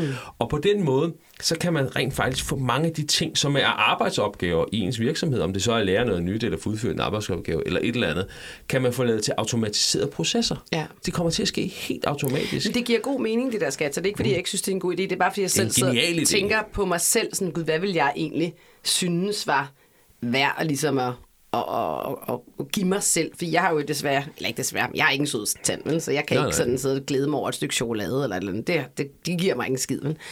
Øhm, men det er sjovt med vaner, fordi altså sportsvaner, altså jeg har jo løbet siden jeg var 15 år, det har jeg intet problem med. Mm. Altså jeg løber fast ja. tre gange om ugen, nogle gange lidt mere, nogle gange lidt mindre. Øhm, jeg har altså faktisk lige ikke lige gjort siden jul, men det er så fordi vi er ude at rejse, og jeg har haft alle mulige andre ting, jeg er nødt til at forholde mig til her i den her uge, som at lukke virksomhed og så videre. Ikke? Men, øhm, men når det kommer, altså yoga er jo også regelmæssigt, altså alt, alt min træning mm. har jeg intet problem med at gøre nærmest Jamen, det er hver også dag. bare det er også automatiseret proces. Det er det jo. Ja. Men hvorfor har jeg det så ikke i min virksomhed? For jeg sidder virkelig og tænker, okay, har jeg overhovedet nogen automatiserede processer i min virksomhed? Nej, det har du ikke. Det tror jeg heller ikke. Nej, nej. nej jamen, det er virkelig, det er sådan, det, alting er lidt tilfældigt. Ja. Ja. Og det er da gået meget godt indtil videre, ikke? Altså, Ja, ikke, måske Men- men, free living ikke på, helt på samme måde, fordi der havde vi selvfølgelig nogle Men, automatiserede men processer. du kunne jo godt, nu skal du ikke sidde og drikke rødvin klokken øh, Ej, det ville jeg ikke synes var så fedt. mandag, men du kan jo godt sige til dig selv, okay, prøv her, torsdag aften, arbejdet er overstået, jeg har været oppe at træne, alle mm. de her ting, så er. Så siger jeg, okay, hver torsdag aften, så skænker jeg mig det der glas rødvin. Mm. Du ved, det gode, mm. Nebbiolo, Ja, ja, der, ikke? Det gode nu der. Mm, ja. Den der op fra alderen af, den, den gode mm. af dem. Ikke? ja. Så tager du og skænker dig et glas af det. Mm. Mm. Og så, øh, Så billeder er der bare, så går jeg sikker. og så gennemgår du lige dine kunder. Er der nogen, du lige mangler at få skrevet til? Mm. Ikke? Bare, lige, bare lige få styr på, okay, mine kunder, har jeg lige hånd i hanke med dem alle sammen? Er der nogen, kommet nogle nye kunder? Bare lige bruge en time. Ja. Bare lige sidde en time, du ved. Og du skal ikke sidde ude på køkkenbordet eller et eller andet. Du skal lige finde det gode sted at sidde, hvor du kan sidde mm. lidt uforstyrret. Ja. Og bare sidde og nyde dit glas rødvin, og så bare lige sidde og kigge på dine kundelister. Nej, det vil jeg prøve. Ja. Den vane Kan implementerer du mærke jeg. det? Det skal du bare gøre hver Ja. En god, idé, en god idé med en god vane, Ja, det er at visualisere den. okay. Lav en post-it. Skriv det et eller andet sted.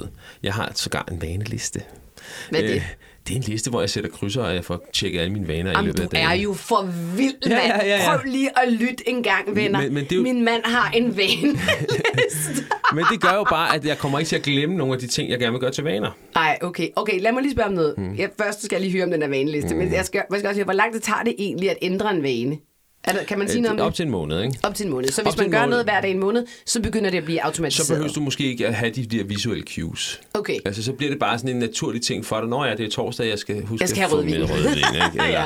eller som også, altså allerede nu, det, det kan tage kortere eller længere tid, men allerede for os er det jo på meget kort tid blevet en vane at stå op om morgenen og lave yoga. Ja. Det er allerede nu. Ja. Vi snakker ikke om det, skal vi huske at gøre det i morgen. Mm, vi står mm, bare mm, op, mm. og så, så går vi ned i stuen, og så tager vi to yogamåtter frem, ja. og så laver vi yoga. Ja, vi taler time. ikke sammen. Vi taler ikke sammen. Nå, nej, men nu er det bare allerede en vane, så ja. det går stærkt. Ikke? Der jo. er måske nogle andre vaner, som kræver lidt længere tid ja. at få implementeret. Ikke? Helt klart. Øh, og nu er det selvfølgelig klart, at hvis man gør noget en gang om ugen, så kan det godt tage lidt længere tid. Ikke? Og så er der altså også noget med, at vi begge to gør det. Fordi hvis du står op, ja, ja. og jeg tænker, ej, jeg gider fucking ikke det, dag, så vil jeg også ligge og tænke, ej, okay, men ja. så får jeg ikke udbyttet af det. Ja, men så, altså, så er det visuelt 20, ja. at den anden går ud af sengen. Ikke? Ja, lige præcis. Nå, ja, okay, ja, okay, så er det også det, vi skal klare. Ja, I altså- dag havde jeg faktisk ikke lyst. Ja. Vi, har jo, vi har jo et problem omkring øh, den grønne grød, som vi spiser. Ja som jo noget, vi gerne vil gøre til en vane. Vi har, vi har dru- spist drukket den i mange år, ikke? Siden ja, ja. 18 eller sådan noget. Øh, ja, men, men, men det er sådan en, den er virkelig svær at få implementeret ja. som en vane, fordi den er omstændig at lave. Ja. Ikke? Vi laver den tit. I Vi- perioder vi er det hver dag. Og nogle gange laver vi det. Når vi endelig får den lavet hver dag, så er vi begge to mest tilfredse med Ja. det. Ikke? Øh, men vi har svært ved at få det. Og, og den er en, hvor vi kæmper lidt med, okay, hvad er det, vi skal gøre til cue'et? Hvad er det, vi skal Mm. gøre til det, som er den, som, det, som får os til at få automatiseret den proces omkring at lave den skide Men det er jo fordi, man skal have så mange skide ingredienser, og de skal være friske. Vi skal ikke kigge på udfordringerne her. Vi skal kigge på, hvordan kan vi få det øh, til, til en proces. Altså, øh, hvis man vil være lidt vulgær, så hvis jeg fik et blowjob hver gang jeg lavede den grønne grød, så fik du grøn grød hver dag. Nå. Kan du mærke det? Nej, det overgår jeg ikke. Find Nej, nej. cue. ja, ja. Nå, men det er jo det, det, er jo det med at, at, at pinde det op på noget, et cue, hvor man så vil jeg tænker... altså meget, har jeg ikke lyst så til grøn. så meget har jeg ikke lyst til grøn Det, det er så også fair nok. Men det er jo det der med at pinde det op på et eller andet, hvor man tænker, okay, så det man går efter er måske Mm. ikke processen omkring at lave den grønne grød, men det er det, som der følger med. Ja. Ikke? Altså, Ja, ja, Og hvis ja. vi vender tilbage til, til det med arbejdet, Jeg tror, at vi alle sammen kan gøre os den tjeneste at kigge på vores arbejdsproces og sige, okay, er der nogle ting her, jeg gerne vil have gjort vane? Lavet regnskabet, mm. kontakte kunder, øh, den måde, jeg går til mine arbejdsopgaver på, Ja. øh, alle sådan nogle ting, jeg siger. Ja. Er der noget her, hvordan jeg kan putte nogle positive ting op på dem? Er der noget, der kan være nogle visuelle cues til at få i gang sat de her vaner? Ja. Ja. Alt, hvad jeg kan få gjort til vaner, gør, at jeg får frigivet tid og energi til alt. Altså, jeg kunne godt tænke mig en vane, som jeg har tænkt over, og det er, at jeg, altså, jeg er jo meget øh, visuel. Altså, på den måde, at jeg kan, kan godt lide, at jeg kan se det, jeg skal gøre. Ikke? Så for mig ville det være ret fedt, at jeg havde et visuelt billede over min uge. Øhm, og nu har du selvfølgelig købt den der Amazon-kalender der til mig og sådan noget. Ikke? Men, men på en måde, at jeg ikke helt fundet at bruge det nu, men jeg kunne Nej. godt tænke mig sådan, at, at jeg ved, at når jeg står op mandag morgen, så laver jeg sådan en liste over, hvad der skal ske de forskellige dage, så jeg har sådan et overblik Jeg tror, at alle de der papirer, der lå på dit bord, var til det. over ugen, det er ikke et overblik, skat. Nå, men nu har jeg skriver jeg det for eksempel i et Excel-ark, ikke? Så skriver ja. jeg, så skriver jeg øh, bare, du ved, opgaver. Så hedder det bare opgaver. Lige nu, okay, det er sådan her der. Det hedder opgaver 2024. Det hedder sheetet. Og så hedder det så, fordi jeg kom tilbage der onsdag, efter vi havde rejst. Onsdag, hvad skal jeg? Så står der alt muligt, ikke? Og så står der ikke lige noget på dage. Så står der så mandag. og så, så krydser jeg det sådan ligesom af, når jeg har fået det lavet. Men det er stadigvæk ikke sådan... Altså, det, det er stadig meget tilfældigt, synes jeg. Det er ikke sådan overskueligt, overskueligt. Altså, jeg kunne godt tænke mig, at jeg kiggede på min uge, sagde, okay, nu laver jeg en, en, hvad kan man sige, en plan for, hvad er det, jeg skal? Skal jeg have kontaktet kunder i den her uge? Øh, skal jeg have øhm, kontaktet nogle, nogle af dem, jeg har speaket for, fordi jeg skal have noget lyd, som jeg kan promovere mig selv på. Øh, skal jeg have skrevet nogle artikler den her uge? Skal jeg, skal jeg have kontaktet børsen? Skal jeg... Altså, fordi hvis jeg ikke har det sådan mappet ned, så er det jo bare alle mulige steder i min hjerne, som, du ved, jeg ved det godt, og det står måske også på den der liste der, men så får jeg ikke kigget på den. Så det er overhovedet ikke automatiseret, vel? Og så en gang imellem, så kigger jeg på den og tænker, gud, nå, det skal jeg jo også Ja, lave. men automatiseringen kunne jo godt i din verden være netop det der, som siger ko- kontakt til kunder. Det gør jeg i det her tidsrum, på den her dag. På den Mm. Det er her, jo torsdag. Der vil jeg aftale med rødvin. Det, ja, præcis. Det gør jeg på den her måde, på det her tidspunkt, på den her dag. Ikke? Øh, og så øh, kan du sagtens visuelt, om det så er på et whiteboard, eller om det er i et Det kunne jeg godt tænke mig faktisk, at det var på Vi et får et whiteboard. whiteboard op Ja. til dig. Så Julie Anker maleriet mig ned. Ja, så, op med et whiteboard. Så du simpelthen bare øh, samler til bunke. Mm. Så du simpelthen bare laver, du ved, inddeler det i fire bloks eller et eller andet, mm. ikke? og den ene, så står der bare øh, kontakter. Mm. Og så skriver du bare ned, du ved, dam, dam, dam, dam, alle dem, du skal kontakte. Og så samler du til bunke, og så får du så gjort det hver torsdag. Men det er jo egentlig vildt, at jeg har, at jeg har kunnet altså, styre mine virksomheder, synes jeg alligevel, og jeg har jo været pissegod til at tjene penge. Ja, ja. Altså det har jeg jo. Ja, ja. Så det er jo ikke sådan, at jeg ikke har tjent penge, eller ikke har kunne, mm. kunne manifestere, eller komme ud og ramme på alle de der ting. Det er jo bare lidt sjovt at se, hvor meget måske der kunne have været... Øh, ja, altså jeg tror egentlig, jeg hellere vil sige, at jeg kunne have brugt mindre energi på alt det, jeg har lavet, ved at have Det mere Det struktureret og flere vaner, men selvfølgelig også mm. vil være på medicin, ikke? Jo, jo. Altså, det kan jo selvfølgelig ikke være, før jeg ved, at jeg har det Nej, nej. Men, men de tre ting, tror jeg faktisk havde gjort, at jeg havde ikke følt mig så udmattet, egentlig. Mm. Men, det Men tror jeg har ikke vidst, Christian, jeg har følt mig udmattet. fordi men det, er bare mit liv. Det er bare det er også, også den målestok, man ligesom kigger på. Ikke? Jeg tror, at, at, at folk generelt vil sige, at jeg er ekstremt produktiv i mit arbejde. Ja. Øh, fordi jeg får så meget for hånden. Ikke? Jeg, mm. jeg skriver jo de der to artikler om dagen, syv dage om ugen. Ikke? Øh, og det er der ikke mange andre Nej, nej, journalister, der gør. Øh, det gør jeg kun, fordi jeg har så mange vaner omkring mm. mit arbejde, som tager alt den, som bliver til automatiserede processer. Mm. Det vil sige, at jeg har to interviews, jeg har skrevet to artikler, inden jeg spiser frokost. Ikke? Altså, og så bruger jeg eftermiddagen på noget andet, på, f- du ved, hvem skal jeg interviewe i morgen og sådan noget. Altså, jeg, alt sammen, det er automatiseret, det er vane, det øh, kører bare derud af, ikke? Øh, Jeg har lige, må jeg spørge om noget? Ja, ja, det er bare, okay. Der er to ting, jeg vil huske at spørge dig om, og, og, og hvis jeg ikke siger det nu, så kan det være, at jeg glemmer det.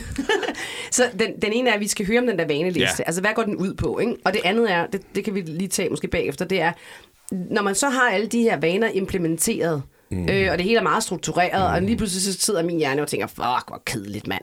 Kan man så overhovedet have, have plads til kreativ spontanitet, når det er alt bare er så skide systematiseret? Så det vil jeg også gerne have, du svarer på. Alright. Det, du må det, selv vælge, hvad du vi svarer på starter først. Andet, andet spørgsmål først. Yes. Jo flere ting, der er gjort til vaner i din hverdag, mm. jo mere tid frigiver det til alle mulige andre ting. Lad os nu sige, for eksempel, øh, det der med kundekontakten. Ja. Alright? Øh, med, med, med rødvinen der. Den kan Ja. mærke. Den, Ja, det var den eneste, jeg ligesom den, bed den, den på. kører, Ja. kører Ja. ind i, ikke? øh, hvis du har det systematiseret til en time, med et stort glas rødvin torsdag aften, mm. så bruger du ikke tid på det resten af ugen. Hvis du ikke har det systematiseret, så tænker du på det lidt mandag formiddag, og så lidt om mandag eftermiddag, og så skriver du en halv mail, og den bliver du så færdig med tirsdag, og sådan noget, jeg ikke? Mm. Det der med at få det systematiseret, gør, at man et, ikke bruger tid på selve arbejdsprocessen, og heller ikke bruger tid på at tænke på det. Du Ja. tænker bare, Ej, oh, jeg skal huske at skrive til DR. Så skriver du på dit whiteboard, DR. Mm. Så ligger den der til torsdag. Mm. Du behøver ikke tænke mere over det, du behøver ikke arbejde på det, du behøver ingenting omkring det. Mm. Det vil sige, jo mere af dit arbejde, du får lavet ind i systemer og processer, mm. jo mere tid frigiver du til alt muligt andet. Ikke? Okay, så du tænker, at jo mere struktur og vane og alt det der øh, automatisering, der er... Jo mere rum er der til kreativitet, leg, Det er spontanitet. Det er ikke min tese. Jeg ved, det er sådan. Nå, okay. Ja, ja. Har du en kilde på det? Har du en... Uh, Atomic Habits. okay, Atomic Habits. Okay, fedt Hvad nok. Er det en bog, du læser? Det er en bog, jeg læser. Okay. Nå, men den kan vi jo lige videregive til vores, det kan vi. øh, til vores Øh, lyttere. Men, øh, men øh, ja, min vaneliste, jeg tror, der er, Jeg vil, ja, okay. der, Yes. der er de 12 punkter på, som jeg skal gøre hver dag. 12 punkter hver dag. Det 10, æder med 10, meget. 10, 12, For mange vil 10, det jo 12. være Nå, men ekstremt det, men overvældende. det er jo ikke meget. Den hedder... Nej, nej, men det kan det jo virkelig meget. Det hedder morgenyoga. Ja. Så hedder den... Fra 5 øh, til 6, vild sex med din kone. Det Fra står, 6 det til står, 7. det står der ikke på. Det har jeg ikke behov for at gøre til en vane. Øh, så står der grøn grød. Der står drikke et glas kombucha, drikke et glas øh, Det har du da ikke gjort. kirsebærjuice. Den er ikke vi klar. mangler øh, kombuchaen. Ja. Øh, så står der træne, så står der gå en time, så står der lav knibeøvelser. Det har vi gjort. Gået en time Ja, hver dag. Så står der lav knibeøvelser, så Ja. står der skriv. Hvordan går det? Det går godt, for Ja. hver dag. Så står der skriv 30 minutter på din bog. Mm. Så står der læs 20 minutter i en eller anden form for selvudviklingsbog. Mm. Øh, der er et par punkter mere. Øh, Det må du glemme. De er ikke blevet vaner endnu. Ja, men det, det er jo derfor, jeg har min vaneliste. Ja, ja, ja, det jeg har det min vaneliste for, at jeg ikke sidder klokken øh, halv 10 om aftenen og tænker, gud mand, jeg fik hverken lavet kniveøvelser, eller mediteret, eller skrevet på min bog, eller spist min grønne. Okay, ikke? okay. Det er skide godt, Så den ligger som et Excel-ark på min computer, som et fanblad. Øh, og jeg går lige ind og refererer til den. Du ved lige sige, ah, okay, nej, jeg skal også lige huske det der. Og så kan jeg godt finde på midt på dagen. Altså, du ved, sige, men jeg har sgu ikke noget at lave i 20 minutter. Så bare lige sætte øh, fødderne op på bordkanten, og så lige tage fat i en bog omkring et eller andet, mm. øh, som jeg synes er et, et relevant emne for mig at, læ- at læse lige nu. Det er ikke, fag, ikke skønlitteratur, heller ikke faglitteratur, men mere sådan noget, du ved, netop øh, noget om økonomi, noget om, hvordan man danner vaner. Men det kan man jo noget selv bestemme, hvad man har lyst til at have, have op til en selv. Nu er det bare, Ja. hvordan jeg gør det. Ikke? Ja, så kan jeg godt lide, åh, jeg for heldig, jeg skal også huske at læse 20 minutter. Mm. Nå, der er 20 minutter til min næste interview. Så sætter jeg fødderne op, så får jeg læst 20 minutter, så får jeg gjort det til vaner. Hvordan var det nu, hvis man, havde, hvis man gjorde noget hver dag i 20 minutter eller sådan noget, så blev man... Nej, hvis man gør noget, jeg ved godt, hvad du må sige. Ja, okay, godt. Hvis du gerne vil blive bedre til noget, Ja. hvis du bliver 1% bedre til noget, lad os sige, det er... Øhm, Det er for eksempel at arbejde i Pro Tools, som er et lydprogram. Ja, præcis. Ja, Mille arbejder i Pro Tools, der er et lydprogram. Mm. Hvis hun bliver 1% bedre til det om dagen. Når man bliver 1% bedre til noget, er det ikke kun 1% bedre i forhold til udgangspunktet hele tiden. Det vil Ah. sige, at efter 10 dage er man ikke blevet 10% bedre, man er blevet mere end det, fordi du også bliver 1% bedre i forhold til dag 9, som var 9% bedre. ikke? Ah, på den måde. Okay, så, Så på kommer- dag 9 der er jeg kom- blevet 9% bedre. Det bliver altså 1% bedre af. Altså af de 9%. Er de, er, er, er, de, er de 9% Ja, ja, ja. oven i hatten? Ja, ikke? ja, så, der, okay. så derfor så bliver det akkumuleret. Så er det for eksempel, at hvis man arbejder i Pro Tools, som mm. du arbejder med, og du gerne vil blive 1% bedre Ja. til om dagen, ikke? så vil du efter et år blive 37 gange bedre til det. Ja, okay. Det er, det er, sådan, altså, det er Ja, okay. the 1% rule. Ikke? Ja. Altså, det er, Det er en fed regel. Den kan jeg godt forholde mig ja, the 1% Ja. rule. Så det, vil, og det er jo ligegyldigt, om det er til en sport. Siger, prøv, jeg vil bare være 1, 1% Mm, jeg bedre behøver ikke i dag. maraton i morgen. Nej, Nej. det er bare 1% bedre i dag i forhold til i går. Og hvis man Ja. indlægger det i sine vaner og siger, okay, jeg skal bare, jeg skal bare være 1% bedre. Ikke? Og det kan man også gøre med at sige, okay, øh, jeg vil gerne... øh, Ja, okay, sport var en god idé, men det kan også godt være øh, det er mere at læse sin bog. Prøv, Jeg skal bare læse jeg skal bare læse 5 minutter i dag, og så skal jeg bare læse 1% mere i morgen. Ikke? Altså, Ja. øh, med alt, hvad man laver, vil man bare blive 1% bedre om dagen Ja. i forhold til dagen før. Det der kan jeg bliver du bedre forholde mig 37, til. 37 Ja, gange bedre Ja. i løbet af et år. Ikke? Altså det der kan jeg bedre forholde mig til end din lange liste. Men det er fordi, at sådan en liste kan godt øh, Jamen, stresse en kreativt menneske som mig, jamen, tror Den jeg. lange liste er, øh, er et visuelt cue. Ja, Det er, det er ikke, det er ikke et, et, et, en skabelon for, hvordan mit liv skal struktureres. Det er simpelthen bare, at jeg lige går ind og siger, gud, jeg, jeg skal også lige huske de her ting. Mm. For ellers så kan de godt forsvinde. Altså, mm. når man har mange ting, man gerne vil Ja, huske ja. på. Ja. Hvis jeg skulle prøve at huske på alle tingene, når der er 12 ting, så vil jeg huske måske de 8 af dem om Ja. dagen, så vil jeg glemme fire. Ja. Det her det er for at sikre mig, at jeg har et visuelt cue til at huske ja. Dem alle otte. Og så synes jeg også, at det er vigtigt i hele det her vanedannelse, øh, både jo selvfølgelig øh, rent øh, professionelt, men også personligt, at, at man husker på, at det jo egentlig ikke så meget er, er målet, hov, det var sådan lidt højt, mm-hmm. at målet som sådan, øh, man skal gå efter, altså selvfølgelig kan målet godt være, at jeg skal have nogle flere kunder, men det er jo også processen i at blive bedre og dygtigere. Det bliver nemmere at kontakte kunder, eller man bliver bedre til at lave sine skal knivøvelser, eller til at gå den tur. Fokusere på eller, processen. Fokusere på processen. Fokusere på processen, og selvfølgelig øh, i sidste ende, er, altså det er jo ikke fordi det ene udelukker det andet, fordi selvfølgelig er det fedt, der er et mål, at man får nogle flere kunder, eller hvad det nu kan være, øh, eller man bliver bedre til Pro Tools, øh, så man kan tilbyde sine kunder noget endnu mere, mm. eller hvad det nu kan være. Men, men jeg tror, at mange af os godt kan fare lidt blind, eller fare lidt vild, og blive lidt blinde på det her mål. Øh, og så bliver vanerne måske svære at implementere på en eller anden måde, hvor at hvis man mere fokuserer på processen i virkeligheden, det der med, okay, jeg kan faktisk blive 1% bedre hver dag. Gør altså, det, det, det, gør det, det en- resonerer hos gør mig. det til en vane at forbedre dig selv en lille smule hver dag. Ja. I stedet for at have en eller anden lysende ledestjerne, mm. du sigter imod, men har, er fuldkommen blind for, øh, hvordan du kommer. Du er selvfølgelig ikke blind for, hvordan du kommer derhen, men, mm. du, men du er blind på processen. Ja. Du tager ikke nogen glæde ud af processen. Altså, Ja. hvis du skal tvinge, hvis jeg siger, okay, jeg vil gerne være verdens bedste fodboldspiller. Ja. Det er mit Det vil mål. jeg ikke. Nej, det siger jeg bare. Jeg vil gerne være verdens bedste fodboldspiller. Okay, ikke? god fornøjelse.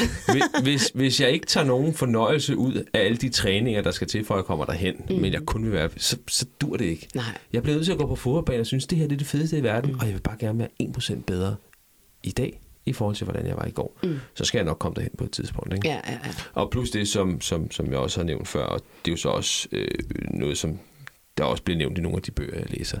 Det er jo netop det der med, at, øh, at, at det at øh, sætte sig et mål, det er jo ikke nogen garanti for succes.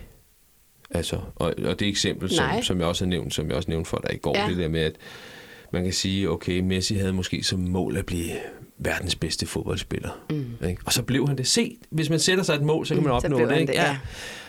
Der er sådan cirka også to millioner andre fodboldspillere, som har sat sig som mål at blive verdens bedste Ja, fodboldspiller. og det blev det ikke. Men det blev det ikke. Nej. Så det at sætte sig et mål, er ikke nødvendigvis det, som gør, at man opnår målet. Nej. Det er mere, hvordan man går til processen, når man kommer Processen, derhen. ja. Man er blevet bedre for Ja. hver dag, ja. Wow. Det var meget. Ja, det, var meget, men det var, lige men det var jeg vil bare lige vende dejligt. tilbage til, ja. til, det, til det gode råd. Ikke? Ja, det er ja. at kigge på sit eget arbejde, se om der er nogle processer, som kan, som kan autom- automatiseres mm. ved hjælp af vanedannelse. Ja. Og putte nogle visuelle cues på de vaner, øh, put, øh, koble det op på noget positivt, du har lyst til. Mm. Så kan du få implementeret nogle vaner. Det hele behøves Det er jo kognitiv terapi, det behøves ikke, hele behøver ikke blive vane i, i morgen. Men kan du tage en proces ad gang og sige, mm. den her proces, ej, okay, hvis jeg kan gøre det på den her måde, så tror jeg, man vil opleve meget mere frihed i sit arbejdsliv. Ja, men også det der, nu kommer jeg bare lige til, jeg får bare lige en anden tanke. Altså, jeg har fået virkelig tit mails øh, og forspørgseler ind ad døren på, kan du hjælpe mig med at blive speaker? Jeg vil så gerne være speaker. Hvad skal jeg gøre? Du ved, hvor jeg også nogle gange tænker sådan, jamen, altså først og fremmest, så skal du jo gå i gang med at øve dig. Altså, du kan ikke, du bliver nødt til at gå i gang med at øve dig i at, at blive dygtigere til at mestre det værktøj, som det er. Øhm, og det tager jo noget tid, og det må man jo, så må man jo øve sig på alle mulige forskellige genrer, inden, inden man kan måske gå til næste step, som er, hvordan får jeg så egentlig nogle jobs Ja, ja, i virkeligheden. Ikke? Øhm, fordi at, jeg, jeg kan godt blive sådan lidt, øh, ikke frustreret, men sådan lidt, ja, altså jeg kan jo heller ikke skrive til en håndværker og sige, hvordan Bygger jeg et hus? bygger jeg et hus. Altså, øhm, altså har du nogen erfaring? Nej, overhovedet ikke. Jeg kan faktisk overhovedet engang slå et søm ned i en, i en, i en bræt. Hvad gør jeg? Ikke? Altså, det er jo sådan lidt, jamen, så må du jo starte med lige at, at øve dig ikke? i Jo. det håndværk, som det er, og sikkert også læse et eller andet om det. Ikke? Så det, det er bare for at sige, at, at nogle gange bliver man også bare nødt til lige at tage den hjem. Men det er jo den samme rådgivning, som jeg tit giver til folk, som skriver til mig og siger, jeg kunne vildt godt tænke mig at komme til at skrive noget omkring mit, øh, mit fagområde. Hvis man er, det, jeg har både haft jurister og læger og alt muligt andet, som godt kunne tænke sig at leve af at skrive frem for at arbejde direkte i Ja, deres ja, det fagområde. forstår man jo godt. Øhm, og der er mit råd også til dem, jamen, start med at skrive. Ja, altså, skriv, skriv, skriv, skriv, skriv. Du kan ikke forvente, at der er nogen, som kommer og siger, vi vil gerne købe dine services, hvis du aldrig nogensinde har øh, puttet den effort i at, øh, at, at dygtiggøre dig. Mm, det er præcis. Hold kæft, det har været Nå, en, en det har- fed snak, den har synes været jeg. lang. Og lang, og det er også så okay. det er okay. Vi, har, vi havde også meget på hjerte i dag, Det og øh, hvad hedder det, det har været mega fedt. Og jeg vil også bare sige til jer, kære lyttere, at øh, I må meget gerne skrive til os på øh, ms hvis I har nogle spørgsmål, øh, enten til podcasten, den her podcast, eller hvis I har nogle ønsker til, hvad I godt kunne tænke os, at vi øh, taler om her i en freelancers bekendelser. Fordi så vil vi meget gerne tage det op øh, og diskutere emnet. Og så må I selvfølgelig også gerne lige melde retur, om øh, I får noget af det. Det er bare fedt. Øh, anmeld podcasten, hvis I har lyst til det. Så øh, vi kan komme bredere ud. Øh, er, er det så nu, vi siger tak for i dag? Ja, er det ikke det? Ved Har du mere? Tak for i dag. Tak for i dag. Hej. Hej.